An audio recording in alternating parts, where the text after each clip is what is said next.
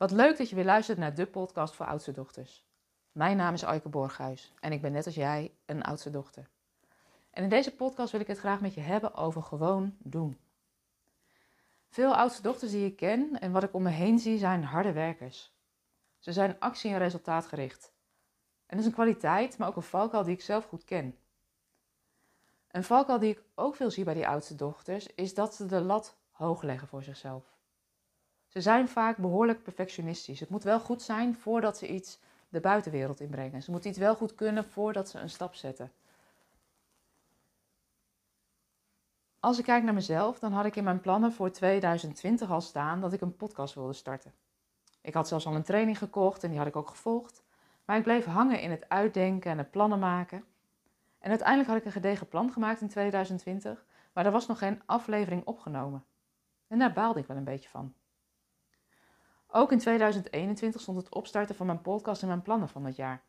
En de eerste helft van 2021 bleef ik het weer voor me uitschuiven. Mijn innerlijke rechter ging met me aan de haal, want wie zit er nou te wachten op nog een podcast?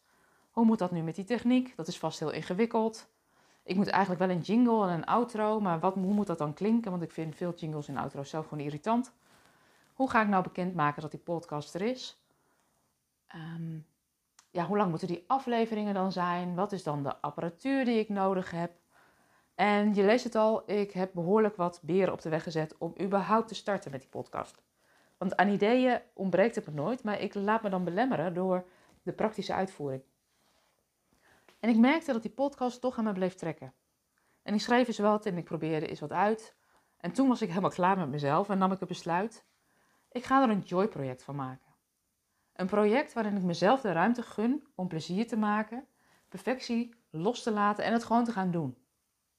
En ik dacht, hoe kan ik dat nou doen op een manier die joy geeft? En ik denk, hé, hey, wat wil ik nou vieren dit jaar? En op 6 september dit jaar, of in 2021, bestond mijn bedrijf 9 jaar. En ik dacht, hoe tof is het nou om gewoon dan de podcast te lanceren? En zo gezegd, zo gedaan. En ik besloot ook meteen, weet je, ik wil gewoon het gevoel krijgen, ik ga een maand lang iedere dag een podcast opnemen. Dat geeft me ook de tijd en de ruimte om um, te spelen, om te ontdekken. En ik besloot ook om de drempel zo laag mogelijk voor mezelf te maken. Geen gedoe met jingles en editing, maar met mijn telefoon en een simpel daspeldmicrofoontje de aflevering op te nemen en te publiceren. Ik heb Pauline uit mijn team gevraagd om me te helpen met de podcast online zetten. En zo gezegd, zo gedaan. In die maand september heb ik iedere dag een podcast opgenomen.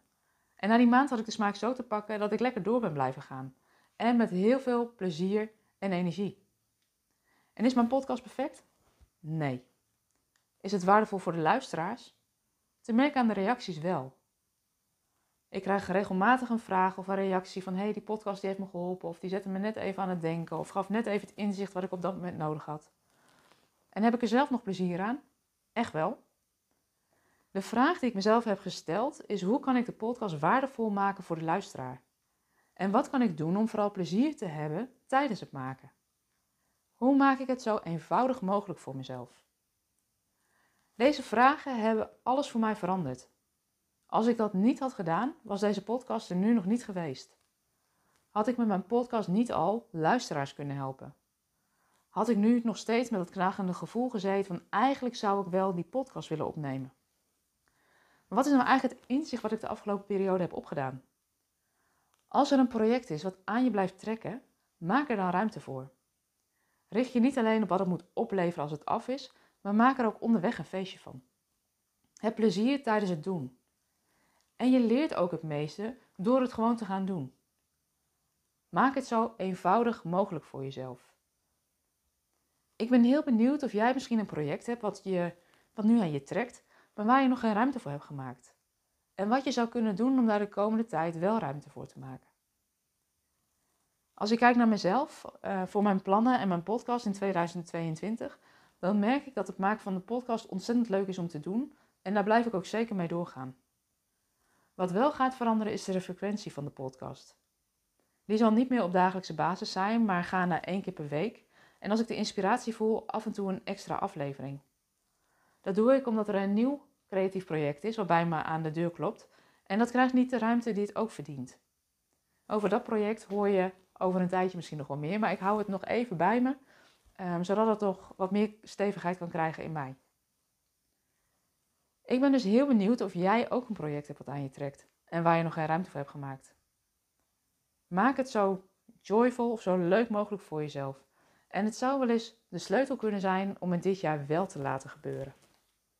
Merk je nu al een tijd dat je op meerdere dingen in je leven wat zou willen veranderen, maar nog niet precies weet wat je wil en hoe je het wil? Weet dat we je graag helpen. Stuur ons gerust een berichtje. We gaan graag met je in gesprek, zodat we kunnen verkennen of en hoe we je zouden kunnen helpen. Ik wens je in ieder geval een hele fijne dag vandaag en ehm, nou, tot een volgende aflevering.